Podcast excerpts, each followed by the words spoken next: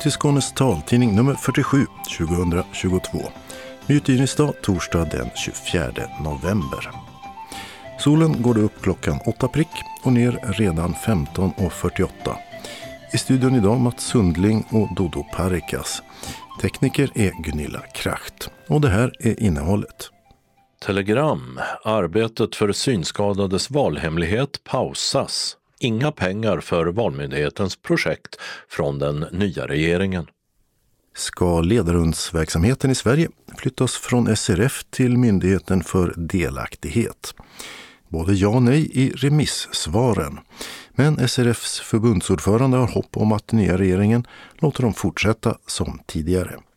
Alltså de pratar så mycket om civilsamhällets roll så jag, jag skulle se det som verkligen förvånande om, om de flyttar över den här verksamheten till en myndighet. Nu blir det mörkare även i Kävlinge och Lund. Kommunerna sparar på gatubelysningen. Osäker världsekonomi sätter spår hos SRF Skåne. Och mobilutbildning för synskadade väckte diskussion på helgens höstmöte. Utmärkelsen Läsguldet till bibliotekarie som ingjuter läsmod och biblioteksmod.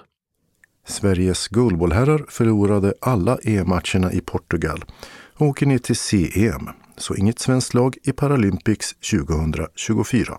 Det blev inte en jättebra prestation och det räckte inte någonstans. Skjortorna är rutiga, rockjackorna varma och byxorna fortfarande rätt så tajta. Vi åkte till Simrishamn för att kolla in höstens och vinterns herrmode. Öppnat och stängt med lågprisbutiker, gästgiveri och en sopstation. Och en annons om workshop i tillgänglighet. Evenemangstips med syntolkat, julmusik och pratcafé.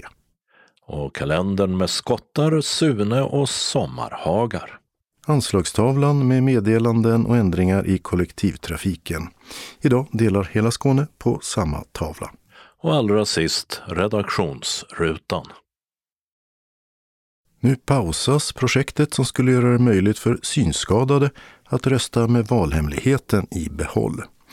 I våras gav den dåvarande regeringen, Valmyndigheten och forskningsinstitutet RISE i uppdrag att utveckla hjälpmedel så att den som inte ser ska kunna rösta med bibehållen valhemlighet. Med målet att det skulle gå i valet 2026 och testas redan i nästa EU-val. Prototyper finns att gå vidare med och projektet skulle fortsätta under förutsättning att riksdagen anvisar medel i statsbudgeten. Men nu har Valmyndigheten pausat projektet, som det heter, eftersom den nya regeringen inte aviserat någon fortsatt finansiering i sin budgetproposition. Så projektet pausas från och med 2023, skriver Valmyndigheten på sin hemsida. I det så kallade Tidöavtalet mellan regeringspartierna och Sverigedemokraterna ingår en punkt om att göra en översyn av valsystemet och valsedlarna.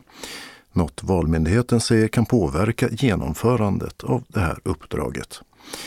Men de skriver också att både Valmyndigheten och RISE har ambitionen att återuppta arbetet om regeringen kommer med ett reviderat regeringsuppdrag med finansiering för genomförandet. Att kunna rösta med bibehållen valhemlighet, och då framförallt när det gäller personkryssandet, är en fråga vi gjort ett antal inslag om genom åren. Och det hittar de på vår hemsida. Och besvikna röster från synskadade personer har redan hörts. I kommande nummer hoppas vi kunna återkomma i ämnet. Vem som ska sköta ledarhundsverksamheten i framtiden? Det är en fråga som länge debatterats. Tiden har gått ut för olika remissinstanser att svara vad de tycker när det gäller förslaget från den förra regeringen till en ny lag om ändrat ansvar för ledarhundsverksamheten. Och totalt har det kommit in 36 svar. Åsikterna går isär när det gäller förslaget att Synskadades riksförbund inte längre ska ha kvar verksamheten utan att den ska flyttas över till en förvaltningsmyndighet, Myndigheten för delaktighet. En av de organisationer som svarat är Sveriges ledarhundsförare SLHF och dess ordförande Åsa Engman. Vi tycker att det har varit eh, mycket att ta ställning till att det är en komplex fråga och att vi har haft mycket diskussioner i vår styrelse och försökt också att ta in synpunkter från våra medlemmar för att bilda oss en just uppfattning om vad vi tycker. Det är det som har varit svårt. Men eh, vi har ju landat i att eh, säga att nej till en flytt av verksamheten till Myndigheten för delaktighet. Men att vi öppnar ändå för att eventuellt skulle väl kanske en förvaltningsmyndighet kunna vara ett alternativ på längre sikt om liksom det beslutet hade föregåtts av en ordentlig utredning om vilken förvaltningsmyndighet. För nu i det här läget så är det ju då Myndigheten för delaktighet som, som så att säga bara har varit alternativet. Och då tänker vi också att man skulle kanske utvärdera nuvarande huvudmannaskap också i den bedömningen. Så har vi tänkt och resonerat. Men eh, SRF som då har haft hand om verksamheten i många år, är ni inte nöjda mm. med deras sätt att sköta det på? Vi tycker att det finns många saker som är väldigt bra. Det finns kompetens kring synnedsättning, hur, självklart hur det är att leva med en synnedsättning. Väldigt mycket kunskap kring själva ledarhundsfrågorna, det praktiska. Erfarenhet av det och kunskap om det. Men vi tycker att det finns förbättringsområden när det gäller systematisk eh, uppföljning av ekipagen, utvärdering och också lite behov av förbättring när det gäller dokumentation, handläggning och sådana frågor. Och även hos bland andra Svenska Brukshundsklubben och Kennelklubben vill man att verksamheten ska vara kvar som idag hos Synskadades riksförbund. Så också hos de som dresserar och är leverantörer av ledarhundar, som Kungsmarkens hundtjänst och Disa Dogs in Service and Aid. Och Anette Johansson säger så här om hur Disadox resonerat. Jag tycker att eh, även om det var en väldigt bra gedigen genomgång hur allting ska vara, om det ska flyttas, så tycker jag ändå att man kanske inte riktigt kan se helheten och framförallt den här helheten som ändå SRF har, har sedan många år tillbaka. Från ax till limpa, det här med ledarhund. Det, det är en sån otroligt eh, specifik kunskap man har. Både vad gäller eh, människorna med olika typer av synskador och då hunden. Så att eh, vi har valt att svara att det ska inte flyttas. Det sa Anette Johansson från Disadox medan många myndigheter svarat att de inte har några synpunkter på förslaget så finns det andra myndigheter som till exempel Kammarrätten och Myndigheten för vård och omsorgsanalys som säger ja till en flytt av verksamheten från SRF som har den idag. Och så gör även regionala verksamheter som till exempel Syncentralen i Västra Götalandsregionen och Region Skånes synenheter.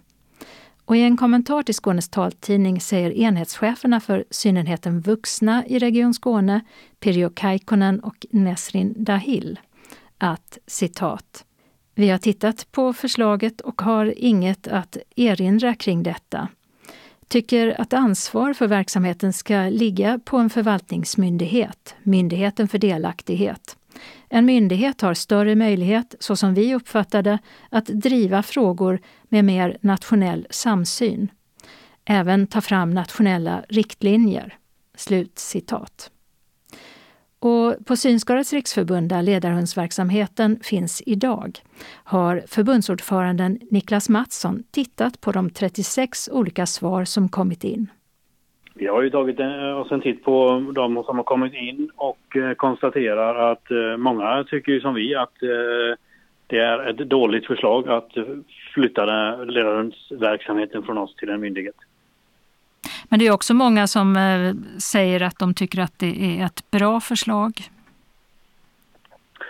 Ja, vi tycker väl att de som är insatta och kunniga i den här frågan, de, de svarar ju att eh, det är ett dåligt förslag.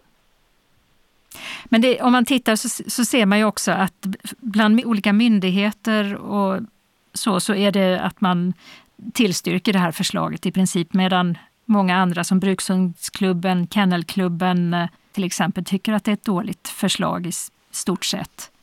Jo, men det är väl ganska symptomatiskt att det är myndigheterna som tycker att det är ett bra förslag att föra över mer saker till myndigheter. Det har vi betraktat som att eh, det var ganska självklart att de skulle tycka så. Sen kan jag ju tycka att det är dåligt att, att de gör det, men, men eh, vi menar ju att de som du räknade upp nu med, med Kennelklubb och de här, det är de som vet vad det handlar om med, med ledarrundar och med, med, med den här typen av verksamhet. De tycker att det är ett dåligt förslag och det tycker vi är viktigt. Vad tror du blir följden av de här svaren? Blir det någon förändring, tror du? Jag, jag kan inte svara på hur regeringen kommer att hantera remissvaren, men däremot så tror jag att regeringen har eh, lyssnat på oss och eh, tagit till sig att det här inte är ett bra förslag. Så jag tror att den nya regeringen kommer att skrota det här förslaget och, och låta oss ha kvar den här verksamheten. För jag tror att de har insett att det är bäst för de som är i behov av ledarhundar. Och vad gör ni framåt nu? Vi kommer att försöka prata med ministern som har ansvar för det här och vi kommer också försöka prata igen med eh, socialutskottet i riksdagen så att vi får eh, förankrat det även med de som är nyvalda nu. Men de som är ministrar i socialdepartementet idag, de träffade vi ju under våren och sommaren och diskuterade frågan. Och eh, vad de sa då när vi pratade med dem var att de eh, tycker att det verkar som en onödig åtgärd att flytta det. Så att eh, jag hoppas ju att de kommer hålla fast vid det. Ser du någonstans där du själv kan vara eh, självkritisk och säga att men det här borde vi bli bättre på eller något sånt? Självklart ska man alltid sträva efter att bli bättre och det tycker jag är jätteviktigt att ha den inställningen och att vi ska ha ett gott bemötande. Där har vi nog brustit ibland när det gäller bemötande och så. Så att den frågan har vi ju pratat om rätt så mycket nu under det här året och, och kommit fram till att det finns förbättringsåtgärder som vi har dragit igång eller som vi har gjort under detta året och, och där ska vi alltid jobba på att bli bättre. Men i lagförslaget om ledarhundsverksamheten finns också andra punkter som till exempel hur gammal man ska vara för att få ansöka om en ledarhund. Och där föreslår man samma ålder som idag och det är 18 år. Men det tycker både Sveriges ledarhundsförare och DISA Dogs är något man skulle kunna ändra. Först Åsa Engman, SLHF. Det var en, också en motion som kom in till vårt senaste årsmöte där man ville att man skulle jobba för att slopa åldersgränsen. Och det sa vår dåvarande styrelse nej till för att vi tyckte att slopa var inte det som var rimligt. Däremot att tänka kring att sänka åldersgränsen för att vi tycker att det tar ganska lång tid att liksom stå i kö och, och, få en dispositionsrätt och sen en ledarhund. Och då om man kan påbörja den processen när man är yngre så kan det vara, ju vara möjligt att få hunden mer ja, men i anslutning till sin 18-årsdag eller kanske till och med före. Men vi tänker att i sådana fall, om man inte är myndig, så behöver ju självklart andra parametrar också vägas in om det behöver vara vårdnadshavare som ansvarar för hunden och rent liksom formellt och sådana saker. Så att vi förstår ju att det i sådana fall behövs en gedigen bakgrund och utredning men vi tycker kanske inte per automatik att det är ålder som avgör om man är lämplig som ledarhundsförare eller inte utan mer att självklart en 16-åring ska bedömas utifrån ja, men, möjlighet att kunna ta hand om en hund, orienteringsförmåga och så vidare. Samma som om man är 75 eller 45. Och så här resonerar Annette Johansson på DISA Dogs. Vi jobbar ju mycket med övriga assistanshundar också. Och eh, då har vi till exempel haft en eh, synskadad tjej som, eh, ja, hon var 14 år tror jag, hon fick sin hund. Och i och med att vi jobbar mycket med andra barn och ungdomar som får de här hundarna, psykisk hälsa-hundarna som de kallas, då är det ju familjer med barn med olika diagnoser inom autismspektrat. Det måste ju finnas givetvis då vuxna i närheten. Ofta är det ju då en förälder som kan stötta upp. Att man tar ett, ett personligt eh, omdöme där också, vem som är lämplig för att ha en ledarhund. Så jag tycker definitivt att en 14-15-åring skulle kunna ha en ledarhund om rätt förutsättningar finns. Och Niklas Mattsson, förbundsordförande för Synskadades riksförbund, hoppas att beslutet kommer ganska snart. För verksamhetens skull och för ledarhundsförarnas skull så hoppas jag att det kommer väldigt snart i, i början av året. Men eh, det är väl så med sådana här eh, propositioner eller förslag som kommer från departementet. De har väl sin utstockade gång så att säga som, som de måste göra. Men jag hoppas att det kommer under första kvartalet i alla fall. Om nu den nya lagen tas så ska den börja gälla den första juli 23. Hur ser du ja, på det? Ja, det tror jag är orimligt. Det är orimligt. Men som jag fattade så har ni gott hopp. Jag eh, har eh, gott hopp om att vi kommer att få behålla ledarhundsverksamheten. Jag kan inte se att den nya regeringen med sina... Alltså de pratar så mycket om civilsamhällets roll. Så jag, jag skulle se det som verkligen förvånande om de flyttar över den här verksamheten till en myndighet. Sist SRFs förbundsordförande Niklas Mattsson. I inslaget hördes även Åsa Engman, ordförande för Sveriges ledarhundsförare, och Annette Johansson som driver Disa Dogs in Service and Aid som har sitt säte i Viken utanför Höganäs. Reporter var Åsa Kjellman Erisi. Kävlinge kommun sällar sig till de kommuner i Skåne som drar ner på gatubelysningen. Kommunen har beslutat att tända gatubelysningen en halvtimme senare på eftermiddagen och släcka den en halvtimme tidigare på morgonen. Det skriver de i ett pressmeddelande. Däremot gör Kävlinge kommun inga besparingar på julbelysningen. Den kommer att vara tänd som tidigare år och består till största delen av LED-belysning. Men i kommunens lokaler sänks temperaturen med en grad. För att ytterligare spara på energi ska kommunen i snabbare takt fortsätta att byta ut äldre gatubelysning till ny som är mer energieffektiv med flera åtgärder. Även Lunds kommun sparar in på gatubelysningen en halvtimme på morgon och kväll. Dessutom ska ljusstyrkan dämpas på den gatubelysning som kan fjärrstyras. Vi har tidigare berättat om bland andra Höganäs kommun där var tredje gatlykta släcks vilket ju kan göra det svårare att orientera sig om man är synskadad och har till exempel RP.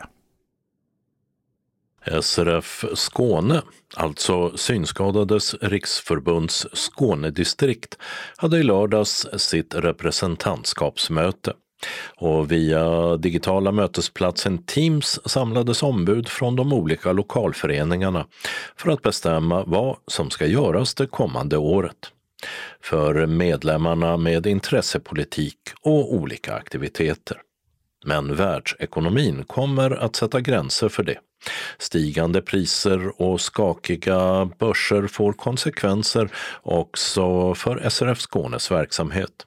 Mycket finansieras nämligen av pengar från stiftelser vars värdepapper sjunkit i värde. Anders Modell är ekonomiansvarig. Det här året har ju varit minst sagt turbulent på finansmarknaden. Fram till sista oktober så har våra stiftelser förlorat drygt 16 procent av sitt kapital i form av värdenedgångar. Det rör sig alltså om runda svängar nästan 2 miljoner som har brunnit upp för oss under tio månader. Det finns ju viss anledning att tro att det där gäller naturligtvis inte bara våra stiftelser, våra närstående stiftelser utan det gäller stiftelser och liknande fonder överhuvudtaget i landet.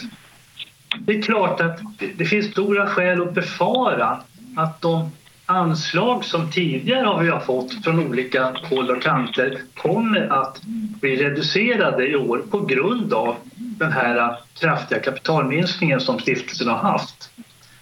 Och det gör att hela vår budget egentligen känns oerhört osäker. Då frågar vi Maria Torstensson som är ordförande för SRF Skåne så här efter höstmötet. Ekonomin tog upp ganska mycket plats här. Hur mycket kommer ekonomin att påverka er verksamhet? Det är väldigt svårt att säga idag. Som det ser ut just nu så har vi fått värdeminskning på våra tillgångar i år och eh, som det verkar för nästa år så kommer det inte bli någon större förändring, i alla fall troligtvis inte ett bättre. Och det påverkar ju allting, påverkar ju regionen kommer också ha mindre pengar troligtvis att röra sig med och då påverkar det vad vi får för bidrag överhuvudtaget. Och då blir det kanske mindre medlemsaktiviteter vad det verkar då, färre resor och övernattningar och liknande? Ja, kanske de dyrare aktiviteterna kanske vi inte kommer ha råd att ha. Så att det får vi se. Vi kan liksom inte garantera att det som står i verksamhetsplanen kommer gå att genomföra. Får vi bidragen som vi önskar och vill ha, då går det jättebra. Men får vi inte dem så går det inte. Och där gissar jag stiftelser är det som betalar en hel del av er verksamhet där. Att det ja. drabbar också riksförbund och kanske lokalföreningar ja. också? Absolut. Det drabbar Riksförbundet väldigt hårt kan jag säga. Ni har samtidigt planer på en andra ombudsman, att anställa en sån. Mm. Som skulle syssla speciellt med barn och unga under nästa mm. år. Eh, mm. Hur går det med de planerna? Jo, de, eh, vi, eh, vi tror att det ska gå att eh, få att fungera rent ekonomiskt också. Vi har ju sedan flera år sagt att vi behöver ha fler ombudsmän i Skåne. Vi skulle absolut behöva ha två ombudsmän och gärna tre. Men två till att börja med i alla fall. Och barn och ungdomsdelen är ju en sån en väldigt viktig del av vår verksamhet. Därför så tycker vi att det skulle vara bra att ha en ombudsman som fokuserar på barn och ungdomar men naturligtvis har hand om lokalföreningar och all annan verksamhet som vi har. Sen blev det en eh, diskussion om er grundutbildning för smarta mobiler för synskadade som ni har mm. sen i somras eh, som Region Skåne finansierar. Alltså en grundutbildning för den som ser lite eller inte alls. Mm. Eh, och frågan där, vi kan höra på en illustration där. Ordförande Jonas Pettersson. Jonas får ordet. Varsågod. SRF har alltid haft en tanke om att eh, man ska ha rätt kompetens när det gäller synpedagoger och sådana som ska lära synskadade och ja, att utbilda synskadade på olika områden. Jag bara säga först att det är absolut ingen kritik mot GSM-projektet för det tror jag är jättebra på alla sätt. Va? Men där finns det liksom inte någon knytning till att man har en pedagogisk utbildning vad jag har förstått. Och det här tänkandet man har alltid haft inom SRF att okej okay, att vi driver verksamhet på entreprenad men det är ändå en grundinställning från SRFs sida att vi ska jobba hårt intressepolitiskt för att samhället ska ta sitt ansvar för att utbilda synskadade på de hjälpmedel man behöver, bedriva den rehabilitering, habilitering vi behöver det är inte något som SRF ska göra i första hand. Jag vet inte, det är inte något yrkande. Jag har en liten fråga. Hur har ni resonerat i styrelsen? Har man gett upp den tanken lite eller accepterat att det är nog vi själva som får göra detta? Eller? Tack så mycket. Stig Larsson, varsågod. Tack. Jag tycker det är ett fantastiskt eh, projekt som GSM har ju varit ett bra initiativ i alla avseenden. Och det står ju inte, som har sagts här, i någon motsättning till att öka kraven på det offentliga att ta större ansvar för eh, till exempel den smarta telefonutbildningen. Snarare är det ju så att det förbättrar de möjligheterna. Så vi ska inte driva upp den här motsättningen. Bertil Göransson. Jag eh, deltager själv i den här GSM-utbildningen och jag måste säga att det fungerar alldeles utmärkt. Även om jag har Yasin som eh, håller i den för min del. Han har, som ni säger, ingen pedagogisk utbildning. Men jag vill påstå att han är betydligt bättre pedagog än någon som är utbildad. Det är alltså ett mycket, mycket bra initiativ av eh, Region Skåne tillsammans med eh, SRF. Tack!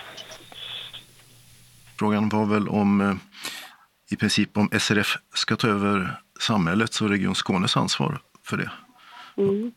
Vad säger du? Ja, eh, det här är en fråga som vi har fått från Region Skåne ifall vi vill vara med och hjälpa till för att göra de här eh, utbildningarna bättre eftersom våra medlemmar har påtalat sedan flera år att man inte får tillräckligt bra utbildning och tillräckligt mycket utbildningstimmar från Region Skåne, från synmottagningen, eller Komsyn som håller i de här. Då har ju vi eh, kommit fram till att det här är en sån sak som vi kan bäst och eh, Region Skåne håller med oss om det och det är fantastiskt bra att de tycker att vi kan ha ett samarbete i det här. Så att jag tycker absolut inte att det är att frånta någon ansvaret. Det är regionen som har ansvaret och det är också de som betalar för de här utbildningarna. Så att det enda som är det är att vi har de här utbildarna i våra lokaler egentligen och det är vi som har satt ihop ett program för hur man ska lära ut. Och jag har inte hört någon som inte är nöjd utan jag har bara hört nöjda människor som kommer till och från kansliet och, det är väldigt roligt att höra. Ni talar om i verksamhetsplanen att ni vill ha mer samarbete med Region Skåne och eh, synmottagningen. Hur skulle mm. det se ut? Det är ju exempelvis detta med rehabiliteringen som vi i många delar tycker kanske skulle kunna bli bättre. Och då kan det vara så att regionen eller eh, synmottagningen kommer att tycka att vi ska vara med och hjälpa till vid flera olika tillfällen beroende på vad det nu kan vara. Om det är orientering eller oavsett vad så är vi intresserade av att hjälpa till om det behövs sa Maria Torstensson, ordförande för SRF Skåne och från det digitala höstmötet hörde vi också Jonas Pettersson, Stig Larsson och Bertil Göransson. Vi kan tillägga att representantskapsmötet också antog ett uttalande om att rädda rätten till ledsagning som ska skickas till riksdagens socialutskott. Det har blivit allt svårare för synskadade att få ledsagning enligt LSS, lagen om stöd och service till vissa funktionshindrade, och här begärde man en lagändring som just ska förtydliga den rätten. Reporter var Mats Sundling. Årets vinnare av utmärkelsen Läsguldet heter Lynn Alpberg, bibliotekarie på Stockholms stadsbibliotek. Alpbergs utgångspunkt är att läsande kan ske på många vis och att det gäller att hjälpa varje läsare att hitta det sätt som fungerar för just den personen, oberoende av syn eller läshinder. Priset delas ut av Myndigheten för tillgängliga medier, MTM, och juryns motivering lyder Med stor målmedvetenhet sprider Lynn Alpberg kunskap om hur bibliotek kan bli en trygg och självklar plats för personer med funktionsnedsättning. Linn arbetar metodiskt och ger aldrig upp. Hon ingjuter biblioteksmod hos människor som inte är vana vid bibliotek och skapar läsmod hos besökare som tycker att läsning är svårt och läskigt. Priset är på 25 000 kronor att som det heter användas för att sprida läsglädje. Utdelningen skedde på Svenska Daisy-konsortiets konferens nyligen. Förra årets vinnare var synskadeaktivisten Finn Hellman. Det svenska herrlandslaget i goalball har degraderats till C-EM efter fyra raka förluster i förra veckans B-EM i Portugal. Målsättningen var att klara sig kvar och förhoppningsvis även avancera till A-EM. Men nu är det definitivt klart att Sverige inte kommer att ha något goalballlag med i Paralympics i Paris 2024. Den assisterande förbundskaptenen Stefan Gane är inte nöjd. Nej, men det är en besvikelse såklart. Vi eh, åkte dit men vi hade ju förhoppningar att vi skulle göra en bra prestation och så fick vi se hur långt det räcker helt enkelt. Och det blev inte en jättebra prestation och det räckte inte någonstans. Nej, fyra raka förluster. Eh, premiärmatchen, sa innan, den var viktig mot Storbritannien. Det blev en förlust mm. med 4-9. Var det det som mm. satte stämningen för resten av turneringen? Alltså det är såklart att det påverkar, men eh, det kan man inte säga heller bara, för varje match är en ny möjlighet någonstans. Det är svårt att analysera, tycker jag. Men det är såklart att man gärna vill ha med sig en, en god känsla efter första matchen. Sen blev det knockoutförluster mot Grekland 4-14, Israel 3-13, det vill säga att 10 måls överläge, då bryts matchen. Hur gick det där till? Nej, men det var ju också, det är ju riktigt bra lag. Eh, båda de lagen var i final sen. Eh, så att vår grupp var ju väldigt tuff. Eh, och de två lagen stack ut lite. Det var många bra lag med i den här tävlingen. Alltså nivån har ju blivit... Den har ju gått upp ännu mer på BM än vad det har varit tidigare. Men eh, där räckte vi helt enkelt inte till i de matcherna. Eh, de är för starka offensivt och vi får inte vårt försvarsspel att fungera. Just försvarsspelet har varit en av Sveriges grundpelare i, i många år. Men här blev det mm. många mål. Vad är det som saknas där? Det är svårt, vi har inte analyserat så direkt. Men, eh, så det är svårt att säga om just försvarsspelet. Det, vi kan, det jag känner så lite efteråt i alla fall, det är att vi har visat upp mycket bättre försvarsspel inför detta än vad vi fick till nu. Eh, och vad det beror på vet jag inte heller exakt. Men det kan ju vara, ett mästerskap är ju alltid tufft att spela. Alla kommer dit jätteväl förberedda och alla vill lyckas någonstans. Och det blir ju såklart en press när man är iväg på så stora tävlingar. Får man inte missa resultaten så behöver man ju prestera i varje match och då måste man någonstans tvinga fram det lite grann och då blir det ju såklart svårare att spela också. Och i den sista gruppspelsmatchen så blev det en ny förlust mot Spanien med 8-13 och 0 poäng. I gruppspelet utslagning femte och sista plats och då betyder det att Sverige blev direkt degraderat till CEM igen. Mm. Tillsammans med Bulgarien och sen också Spanien. Där har ni varit förut och vänt. Hur ser du på framtiden där? Nej, men vi har ju många unga spelare i laget eh, och det vi hoppas liksom någonstans i framtiden är att ja, men öka upp den internationella erfarenheten. För det, det finns en, en ung generation som kommer och vi hoppas ju att, eh, ja, men att eh, det, det, ska vara möjlighet här nu att liksom börja om lite grann. Eh, för som jag sa, kvaliteten på BEM är väldigt, väldigt, väldigt hög. Eh, och det behöver bygga upp en erfarenhet också för att leverera på en sån pass eh, högkvalitativ tävling. Och det här EMet i Portugal det betyder också att även den teoretiska chansen att vara med i AEM och sen också i Paralympics 2024 är borta. Så mm. Sverige missar Paralympics igen. Senast var ju då 2016 i Rio. Då du var med och spelade bland annat. Hur långt har Sverige tillbaka till den nivån igen idag? nivån stiger ju hela tiden och nu eh, så har man dessutom tagit bort två platser från att kvala in till eh, eh, Paralympics. Jag tror att, undrar om det började gälla nu, jag är lite osäker. Men det kommer vara åtta herrlag som kommer få vara med och det gör ju så det blir ännu svårare att kvala in till Paralympics. Så det är klart att det nålsögat har ju blivit ännu mindre. Eh, så det är ju det är svårt att svara på en sån fråga, tyvärr. Mm. Ja, tillväxten var du inne på. Hur ser den ut? Ja, men det finns en del unga spelare eh, som har väldigt hög potential. Eh, vilket är kul. Men sen, vi behöver alltid bli fler. Eh, så att, eh, ja, vill någon spela goalball så kontakta mig så hjälper jag till att förmedla kontakter med er närmsta förening. Ja, du arbetar som idrottskonsulent också. Precis. I Stockholm. Eh, sen finns det ett damlandslag som har varit framgångsrikt tidigare. Hur är läget för svensk damgoalboll idag? Nej, men vi jobbar ju hela tiden inom goalbollen att försöka få ihop en grupp som, som ska kunna Eh, visa kvaliteter internationellt för att kunna ha ett, eh, ett damlandslag i framtiden. Det är ju vår stora förhoppning såklart. Eh, och nu finns det ett gäng tjejer så att det finns lite underlag nu äntligen efter många års slit. Och bara för att lyfta lite kort då, så har ju även delar av den här eh, damgruppen har ju faktiskt åkt med FIF Malmö då och varit med i, eh, man kan kalla det för Champions League för klubblag. Här i oktober så var de iväg och då vann de hela Champions League och då är det FIFs, eh, Malmös damlag. Då. Så det är några danska spelare och sen är det några svenska spelare och sen har de även tagit med andra svenska damer från andra delar av Sverige så att eh, de ska få möjligheten att tävla internationellt, vilket är jättebra. Mm, och det gick ju vägen då? Ja, det gick väldigt bra där, så det var jättekul. Så besvikelse i Portugal, men ett litet hopp inför framtiden där då? Ja, eh, det är väl förhoppningen. sa Stefan Gane, assisterande förbundskapten för Sveriges goalballlandslag. Israel vann herrmästerskapet och går upp till AEM. Finland gjorde detsamma på damsidan och i bägge finalerna tog Grekland silvret. Bland våra grannländer tog Finlands herr och damlandslag upp sig i AM igen medan Danmarks herrar, som tidigare varit paralympiska mästare, klarade sig kvar i BEM. För de svenska herrarna väntar alltså CEM som nästa stora internationella mästerskap och det spelas i tyska Rostock i augusti 2023.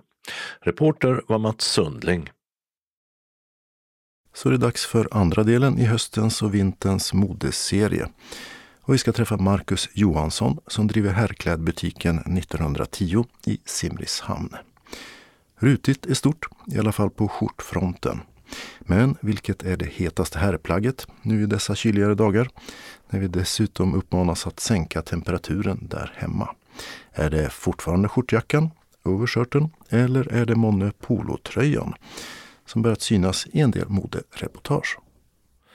Polo, ja lite grann. Det är, man säljer ungefär lika mycket polotröjor alltid. Så att eh, för tillfället får jag nog svara overshirt på den faktiskt. Eh, överhuvudtaget väldigt mycket skjortor. Om jag tittar på vad jag inte såg senast jag var ute i en butik var så här mycket rutigt. Och det sista året som det har eh, varit rutor på gång och denna hösten känns det som att konsumenterna också är med på banan. Nu säljer vi rutor igen. tar det tid att uh, nöta in någonting? Ja, men det gör det. Vi, dels så får vi ju reda på alla trenderna ungefär ett år tidigare, vad som kommer att gälla om ett år. Så att vi hinner ju bli vana liksom. För konsumentens del så blir det ju när du kommer in i butiken. Och eh, om du ska beskriva vilken typ av rutor, det är ju inte schackrutigt direkt. Nej det är det ju inte. Det är verkligen alla de olika former utom just schackrutet. Även om det nästan finns schackrutet där borta men i olika färger. Och det är mest åt eh, gråblå hållet, har jag rätt? Ovanligt mycket blått faktiskt för att vara en höst. Annars brukar det vara kanske 50-50 med svart och grått men i denna hösten känns det blåare. Och själv har du en prickig skjorta? Ja, jag är helt omodern. Nej men äh, grejen är att är, om vi tittar här nere så har du alla de olika sorters mönster och, så att det är ju verkligen allt känns ju rätt idag men trenden är väl kanske rutan. Är det skillnad på uh, storstad och mindre ort vad folk vill ha? Ja men det är det ju. Uh, sen har vi ju en något äldre befolkning också här i Simrishamn så det gör väl också att faktiskt de äldre vågar lite mer, lite mer mönstrat. Eh, så jag tror egentligen att eh, små städer lite vågligare sortiment ofta för att det bor lite äldre kunder helt enkelt. De är inte så rädda för att sticka ut. Medan tittar man på de yngre kunderna så är det väldigt mycket ljusblått och beige och sådär enfärgat. Så att, uh... Om uh, du ska plocka ihop en ensemble vardagskläder. Om vi tar en, en rutig skjorta här och sen försöker hitta ett par brallor till den. Mm. Då tar vi en uh... Det här är då inte heller schackrutigt men det är liksom ett ett rutmönster i rutmönstret. Ja, detta skulle jag kalla för en elegant ruta liksom. Den är ju jättesnygg till en kavaj och till och med till en svart kostym. Men, och där var en polotröja, den var brun. Jajamän. och eh, där har vi byxan. Det är ett par eh, slacks eller chinos. Ja, chinos kan vi väl kalla dem. Tjockare bomullstyg helt enkelt. Så det är ju en höst och vinterchinos kan man säga. Och sidan om där har du en som är lite tunnare och som kanske mer året runt. Men den tunnare är i grågrönt. Det kan man väl säga lite. På gatorna i Malmö så ser man yngre killar i brallor som är rätt vida och slutar en liten bit ovanför ankeln. Du mm. också? Det har vi väl, eh, men det blir väl mer lite på vår ungdomsavdelning. Eh, det där kanske riktigt vida modet har nog inte kommit ut i Simrishamn än så länge. Och eh, skjorta, byxor och vad ska man ha till det då? Tröja, kavaj, både och? Ja, man kan ha både och absolut. Så tröja till vardags och kavaj till fest kanske. Vilken typ av tröja? Det är ju snyggt med en V-ringad givetvis. Personlig favorit är ju cardigan. Man kan reglera värme lite och det innebär i det här fallet att det är blixtlås. Det är nästan bomberjackemodell på den. Ja. Grå, brun. Vad är det för material? Allt vi har här är antingen 100 bomull eller så är det ull. Bara naturmaterial. Och kavaj till? Till just den skjortan, det hade jag nog gått på en uh, svart faktiskt. Är det herrarna som är lite bredare i modellen eller är det kavajerna? ja, det, det kanske är både och. Men det tajta som har gällt eh, i, i några år, är det kvar eller är det ute? Nej, man säljer fortfarande mest tajt. Eh, även om man ser lite vida på tv så är det nog det, det tajta som gäller ett tag till ute bland oss vanligt folk så att säga. Så, svart och lite relief. Eller är det Manchester? Nej, det ser bara ut som Manchester. Ja, det ser ut som Manchester men det är det faktiskt inte. Utan eh, ja, du har en struktur i tyget som påminner om Manchester men uh, inte fullt så tjockt. Och den är enkelknäppt men i modereportagen ser man en del uh, dubbelknäppta med stora slag. Men det mm. har inte heller nått Simrishamn. Nej, det har det inte. Jag tror knappt det har något vanliga butiker överhuvudtaget faktiskt. Uh, det är inte alltid att allt som är trendigt liksom ens når ut till Simrishamn. Ibland hinner det bli omodernt innan det når slutkonsument. Sen ser jag att det är väldigt blandat i kavajmaterial här. Det är sammet och det är tweed och det är inte hundtand, vad heter det där mönstret?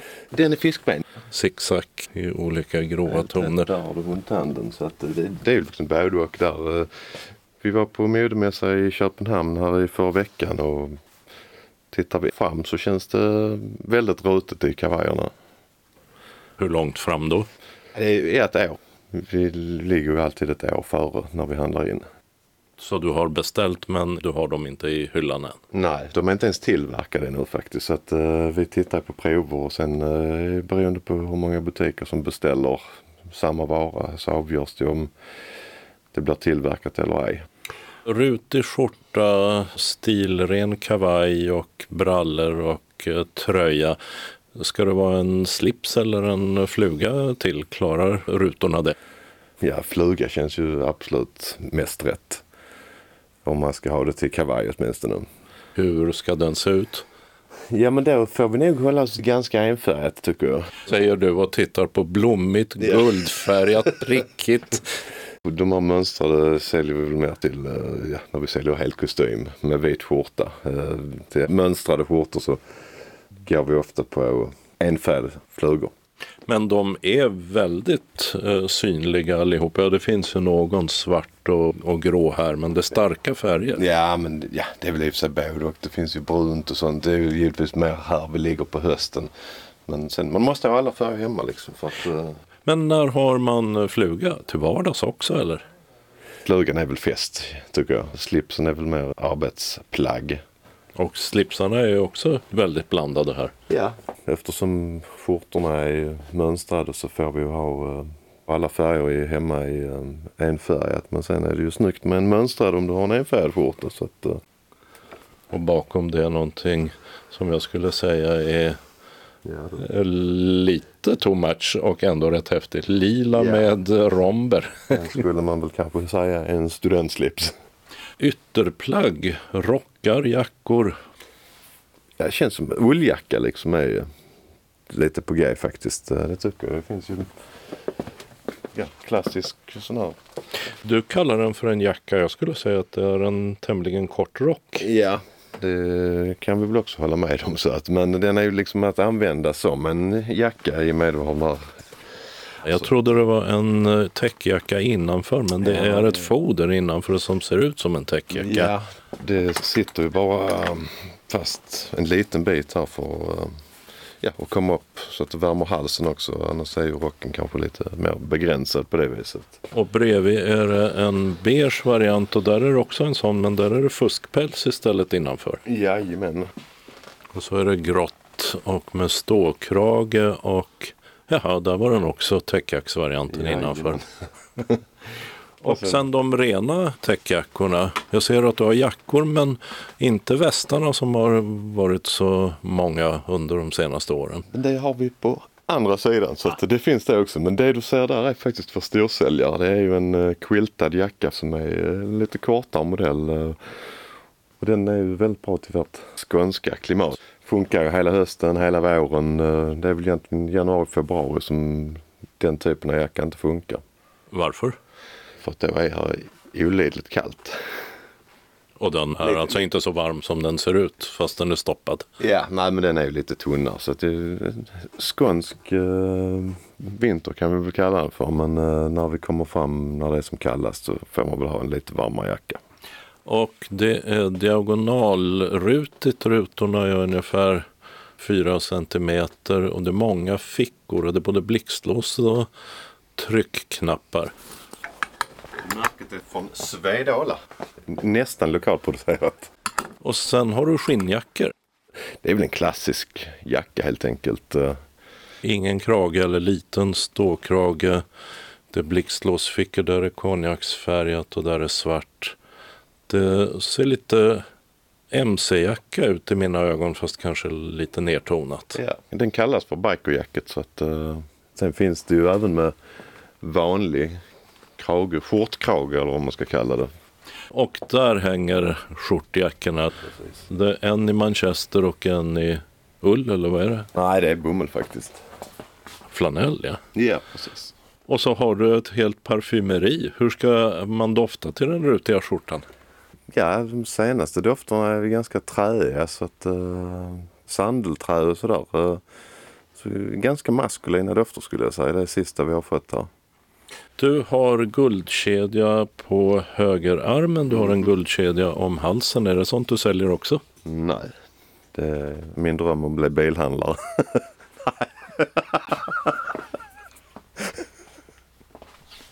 avslutade Marcus Johansson som driver herrklädbutiken 1910 i Simrishamn och ytterligare en klädaffär i Ystad. Reporter var Dodo Parikas.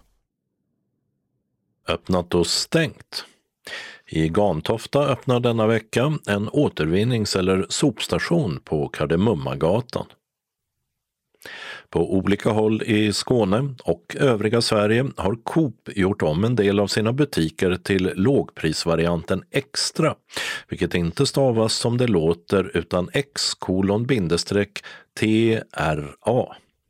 Detta gäller Dalbyvägen 25 i Arlöv, Sextorpsvägen 2 i Eslöv, Elinebergsplatsen 5 och Stabsgatan 1 i Helsingborg, Götagatan 2 i Hässleholm, Ringsjövägen 40 i Hörby, Industrigatan i Hör, Näsbychaussén 70 och Sjövägen 2 i Kristianstad, Remigatan 10 i Landskrona, Skansvägen 2 i Lund, Vattenverksvägen 4, Tornfalksgatan 9 och Lugna gatan 2 i Malmö, Theodor Kvants väg 2 i Osby, Banvallsvägen 2 i Perstorp, Södergatan 4 i Sjöbo, Börringevägen 4 i Svedala och Bangatan 9 i Örkelljunga.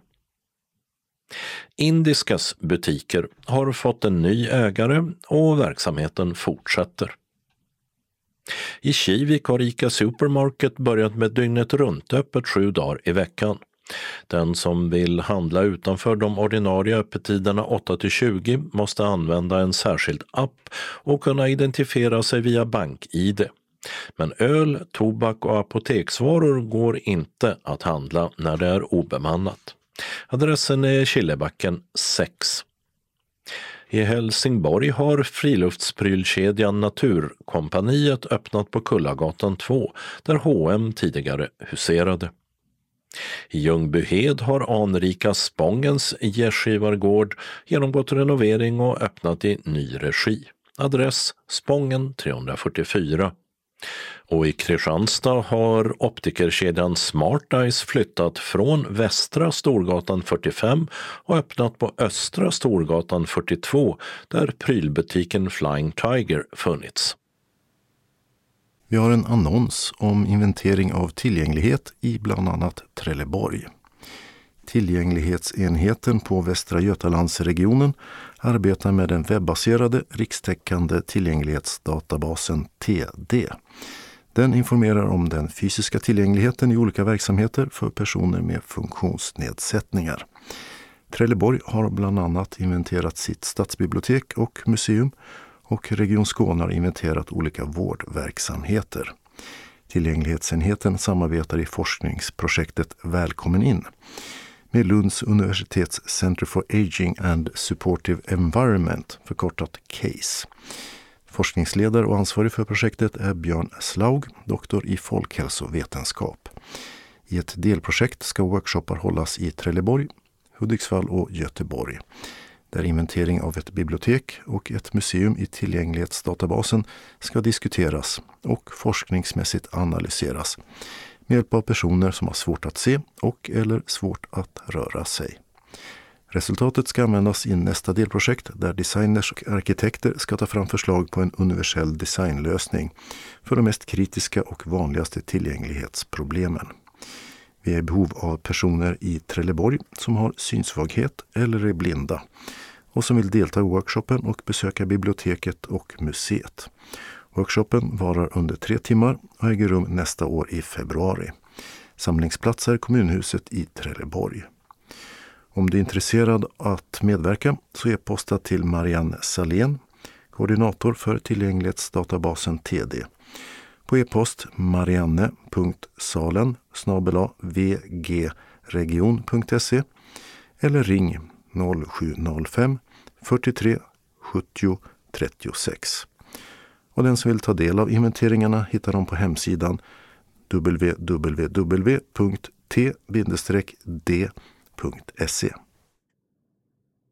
Evenemangstips och vi börjar med syntolkad tv i TV4.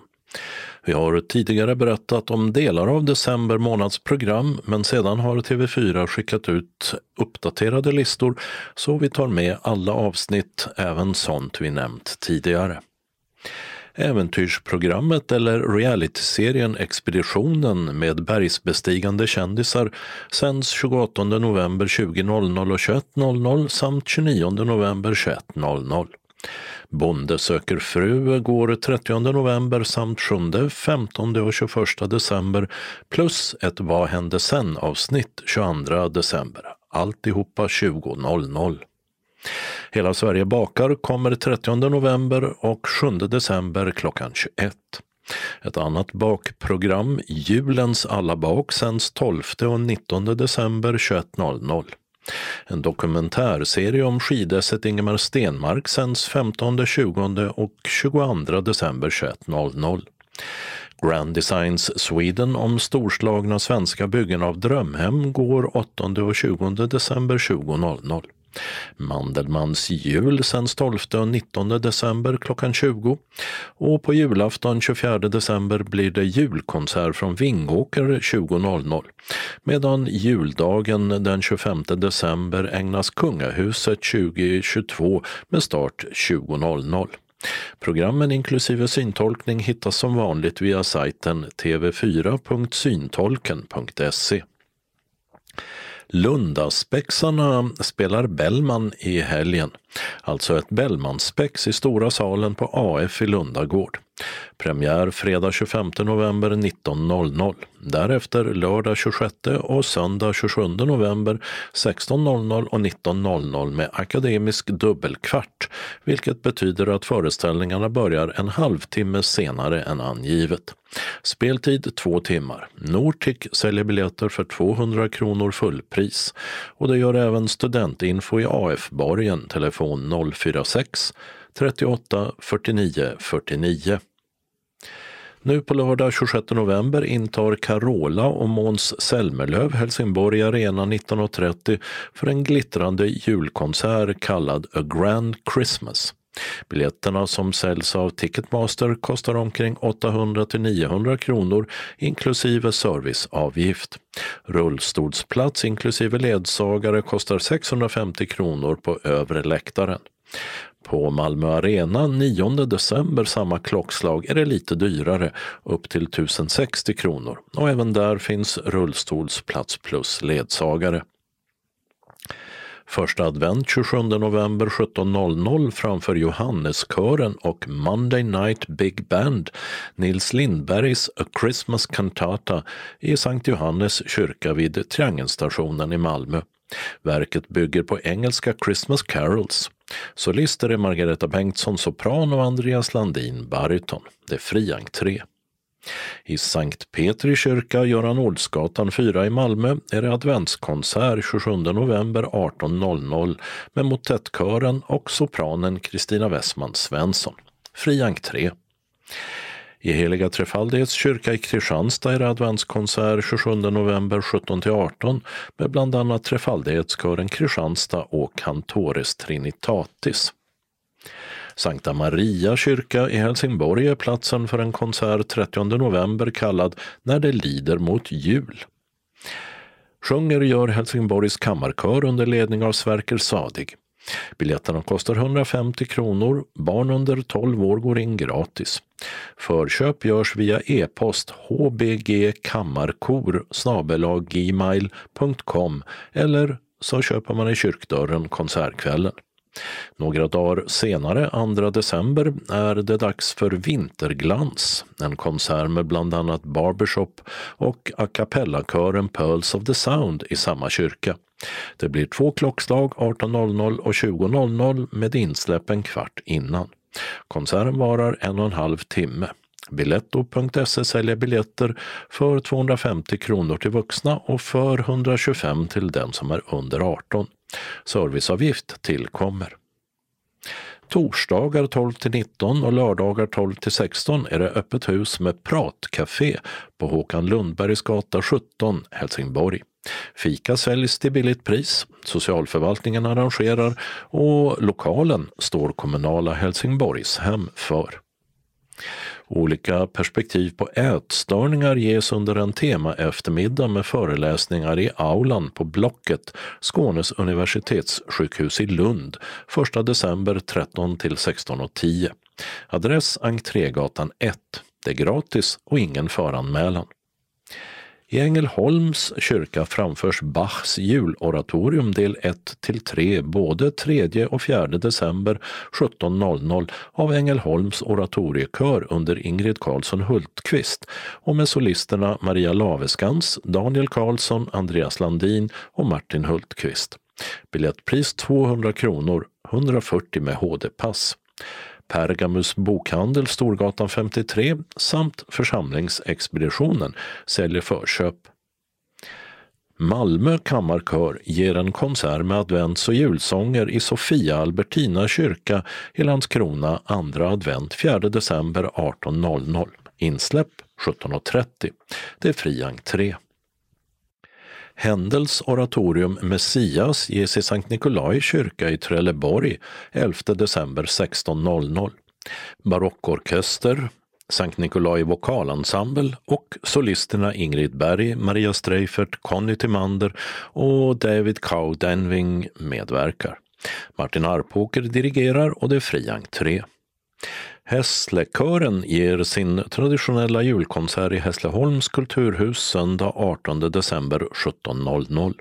Det blir traditionella julsånger, soul och lite pompa tillsammans med orkester och tre körer.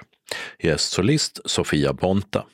Konserten tar drygt två timmar och biljetter för 300 kronor säljs av Kulturhuset.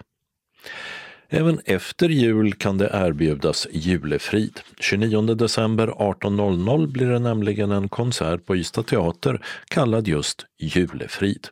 Behållningen går till Läkare utan gränser och uppträder gör bland annat Grevlunda manskör, Karin Tingne, Boel Adler, Daniel Bensén och Andreas Hane.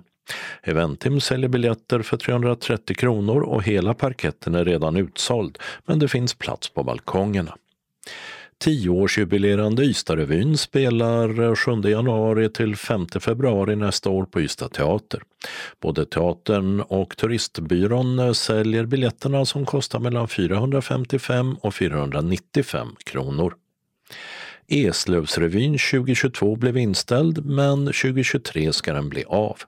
Biljetter inköpta till den förra revyn ska gälla till den nya. Den här gången är Nanne Grönvall gästartist och premiär i Medborgarhuset i Eslöv blir det 14 januari. Revyn ges till 11 februari.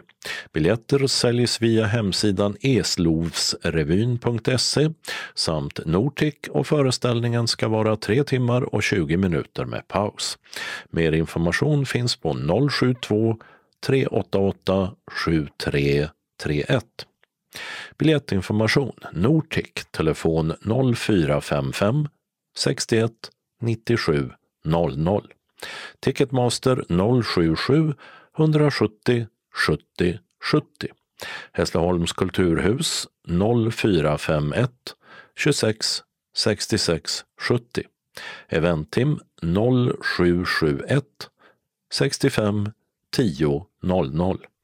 Ystad Teater 0411 577 199 och Ystad Turistbyrå 0411 57 76 81. Kalendern för 2022 års 48 vecka börjar måndagen den 28 november då det är namnsdag för de som begåvats med namnet Malt. Bland nationaldagarna detta datum återfinns Albaniens. De firar i år 110 år av självständighet från det då sammanfallande Ottomanska riket. I juni 2007 så intervjuades musiklegenden Gullan Bornemark här i Skånes taltidning. Och den intervjun finns under rubriken Månadens ansikte på vår hemsida skanestaltidning.se. Nu fyller Gullan Bornemark 95 år. Tisdagen den 29 november är årets 333 dag. Sune har namnsdag. Det här är ett historiskt ljud. Detta datum för 50 år sedan lanserades nämligen vad som brukar betraktas som världens första videospel, pingpongspelet Pong från Atari. Onsdagen den 30 november innebär slutet för det som förr kallades vintermånad men inte längre så ofta gör skäl för sitt namn. Och för ett år sedan så fick Sverige sin första kvinnliga statsminister i Magdalena Andersson, Socialdemokraterna. Men efter höstens val fick hon som bekant lämna över till Moderaternas Ulf Kristersson. Detta datum 1872 ägde världens första fotbollslandskamp rum. Den spelades mellan England och Skottland och matchen slutade oavgjort 0-0. Så det är inte därför skottarna firar nationaldag utan för att det är St. Andrews Day till åminnelse av Skottlands skyddshelgon St. Andrew eller aposteln Andreas. Och här hemma har Andreas och Anders namnsdag denna dag. Det är även Karl XIIs dag eftersom det var detta datum 1718 som en kula i norska Halden satte P för kungens fortsatta krigande och för hans liv. Torsdagen den 1 december tar vi ett raskt kliv in i julmånaden. I Rumänien och Centralafrikanska republiken firas nationaldag medan man i Costa Rica högtidlighåller dagen för militärens avskaffande som ägde rum 1948. Landets gränsområden patrulleras dock av polisstyrkor. Och på dagen för 65 år sedan sände Sveriges Radio julkalendern för första gången och den traditionen fortsätter än idag. I år heter radions dagliga julkalender Bergvaktarens hemlighet. Och samtidigt är det dags för SVTs julkalender och julsaga Kronprinsen som försvann att ha premiär. Och den kommer att syntolkas. Liksom övriga avsnitt. Ossian och Oskar har namnsdag. Fredagen den 2 december har Beatrice och Beata namnsdag medan den arma martyren Babiana, hon fick maka på sig ur namnsdagslängden redan på 1700-talet. Lördagen den 3 december är det dags för internationella funktionshinderdagen, eller som man oftare säger i Sverige, internationella funktionsrättsdagen. En FN-dag som fyller 30 år i år och som instiftades för att uppmärksamma just rättigheter för personer med funktionsnedsättning. På dagen för hundra år sedan föddes en av Sveriges mest framstående filmfotografer, den dubbelt Oscarsbelönade Sven Nykvist, som bland annat arbetade tillsammans med Ingmar Bergman, Andrei Tarkovsky, Jan Troell och Lasse Hallström. Nyqvist gick ur tiden 2006. Hans memoarer, Vördnad för ljuset, finns som talbok. Och för 80 år sedan avled den nationalromantiske tonsättaren Wilhelm Pettersson Berger. Så varför inte ett litet intåg i Sommarhagen så här i början av december?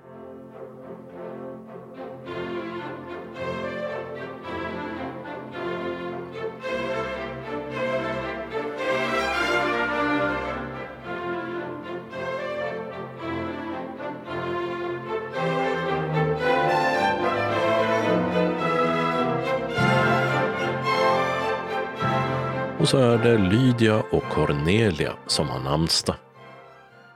Söndagen den 4 december har vi kommit fram till andra advent. Och i Uppsala domkyrka är det denna söndag extra högtidligt eftersom Linköpingsbiskopen Martin Modéus installeras som ärkebiskop i Svenska kyrkan efter Antje Jackelén som ju även varit biskop här nere i Lunds stift. Av henne finns tre böcker inlästa i talboksform medan det av Modéus finns sju stycken plus en i punktskrift. I det pågående stärkandet av Försvarsmakten i en orolig tid har turen kommit till invigning av Bergslagens artilleriregemente A9 i Kristinehamn. Och det är Barbara samt Barbro som har namnsdag denna dag då vecka 48 tar slut. Den regionala delen av anslagstavlan börjar med att SRF Skåne hälsar Hej kära medlemmar och välkomna till Öppet hus på kansliet i Hör den 5 december klockan 13 till 15.30. Kansliet kommer att bjuda på fika och glögg, en tipsrunda och en massa goda skratt. Adressen är Järnvägsgatan 8 i Hör. Anmäl dig på e-post skane srf.nu eller ring 040 777 75. Sista anmälningsdag är den 30 november. Observera att resekostnaden fram och tillbaka står man själv för. Välkomna till Hör hälsar kansliet. SRF Skåne bjuder sen in till en fantastisk jazzkonsert i Ystad. Det är den 28 december klockan 15 på Ystad Saltsjöbad. Då spelar Jan Lundgren och Harry Allen Quartet A Tribute to Bengt Hallberg. Boka bilen till Ystad Saltsjöbad på Saltsjöbadsvägen 15 i Ystad för att vara framme till klockan 14.15 då vi samlas för att hänga av oss och få våra biljetter. Hemresan kan du boka till cirka 16.45. Caféet är öppet för konsertbesökarna under dagen. Vi från SRF Skåne kommer att finnas på plats från klockan 14 och stannar till sista färdtjänstbilen lämnat platsen. Om du vill stanna på de två andra konserterna bestämmer du själv. SRF-aktiviteten gäller endast konserten klockan 15 med Jan Lundgren och Harry Allen Quartet. Utanför vår aktivitet, om du vill lösa dagskort, spelar klockan 18 Tanja Giannouli, trio från Grekland och klockan 21 James Frenches från USA. Alla konserter en timme och 15 minuter cirka. Kostnaden är 395 kronor för en konsert eller 600 för dagskort. Ledsagare går gratis. Du kan betala in din anmälningsavgift till bankgiro 484-0989 eller med swish på nummer 123 312 6299.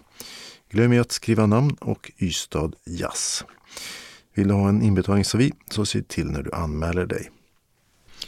SRF Skåne står för reskostnader efter kvitton inkommit, dock senast tre månader efteråt, samt endast inom Skåne. Bor du utanför betalar SRF Skåne endast för kostnaden från länsgränsen. Vid annat färdsätt än färdtjänst eller kollektivtrafik måste godkännande från aktivitetsansvarig finnas. Anmälan sker till SRF Skåne på telefon 040-777 75 eller e-post skane srf.nu. Vi har ett begränsat antal platser. Anmälan är öppen mellan måndag den 5 december och måndag den 12 december. Bekräftelse skickas ut efter sista anmälningsdagen. I den kommer även mer information finnas. Hälsar SRF Skånes arbetsgrupp Kultur. Välkomna! Den lokala delen av anslagstavlan börjar med att SRF Malmö Svedala välkomnar medlemmarna till sin dagverksamhet. Måndag den 28 november klockan 13 till 15. Vi träffas och umgås med lite fika och diskuterar aktuella nyheter samt läser ur tidskrifter. Ibland hinner vi även med frågesport. Tisdag den 29 november blir det bingo mellan klockan 13 och 15.15. 15. Vi serverar kaffe och smörgås eller kaka för 10 kronor. Anmäl dig till kansliet 040 25 05 40 om du tänker komma. Senast klockan 10 samma dag. SRF Malmö Svedala välkomnar också till en grötlunch på föreningen fredag den 2 december klockan 13. Denna gång bjuder vi på risgrynsgröt, saftsås och avslutar med lussekatter och kaffe.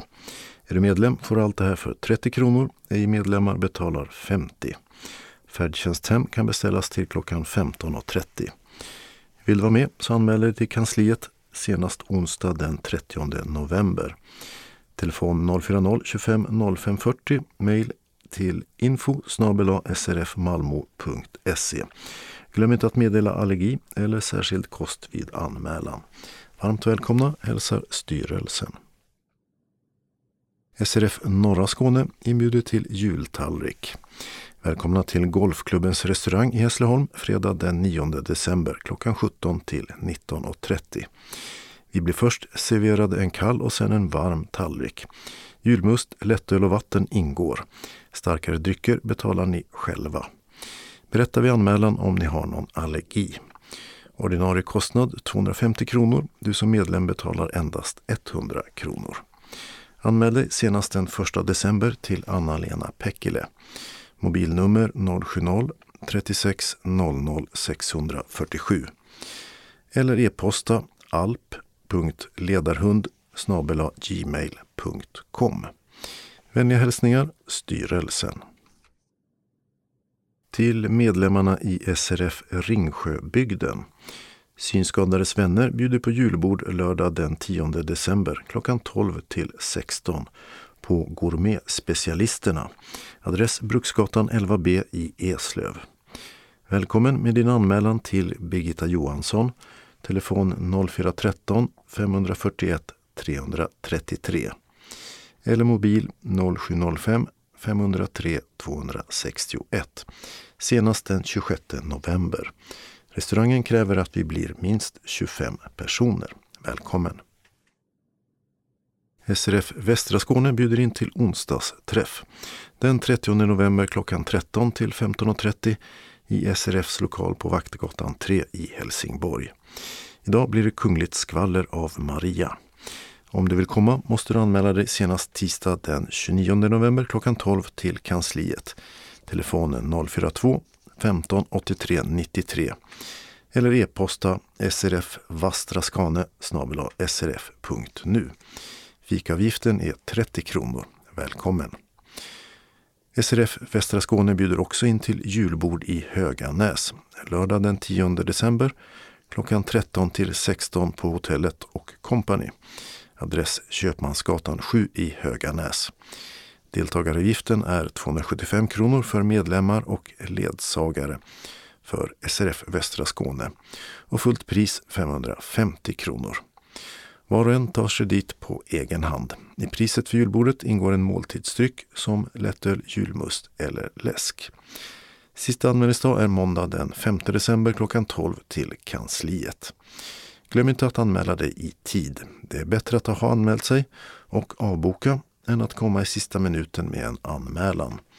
Antalet är begränsat till 30 personer. Efter gjord anmälan får du en inbetalningsavi.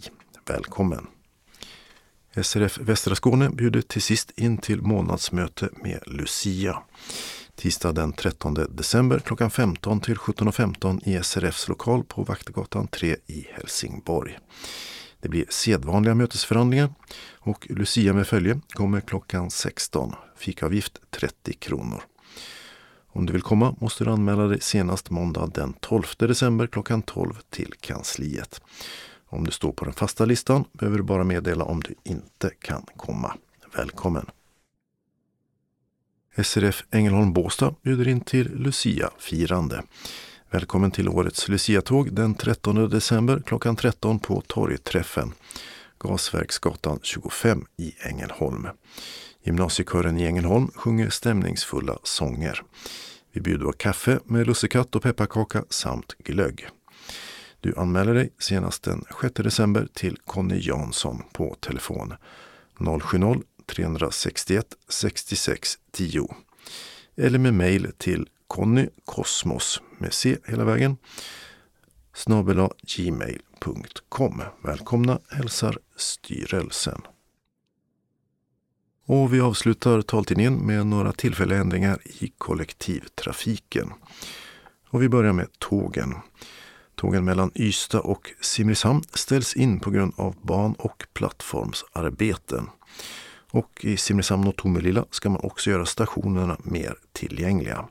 Från nu på lördag den 26 november klockan 1.30 ända till och med söndag den 18 december. Bussar ska ersätta tågen via mellanstationerna. Under tider då många reser ersätter även bussar som kör direkt mellan Ystad och Simrishamn.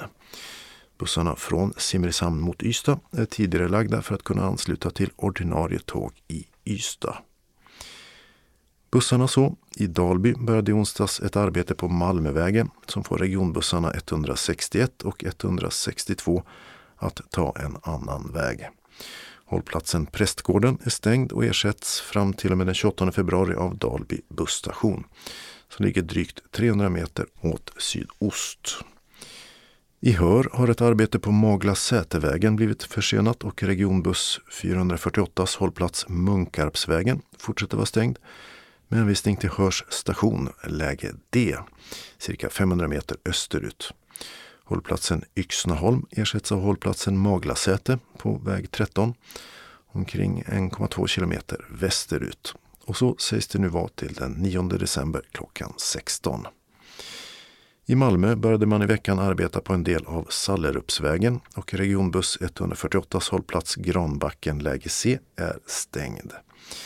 Fram till den 16 december klockan 15 ersätter en tillfällig hållplats cirka 90 meter bakåt bussens riktning på Sallerupsvägen. Och i Malmö fortsätter ett arbete på Pildammsvägen och regionbuss 150 hållplats mot Vellinge till. Pildammarna läge A kommer att stå 150 meter framåt ända till den 2 december klockan 15. I Helsingborg drar ett arbete på Bergaliden ut på tiden. Och stadsbuss 26 och 27 hållplats Slottsvångsskolan fortsätter att vara stängd till den 2 december klockan 16. Till dess ersätter hållplatsen Sankt Nikolaj.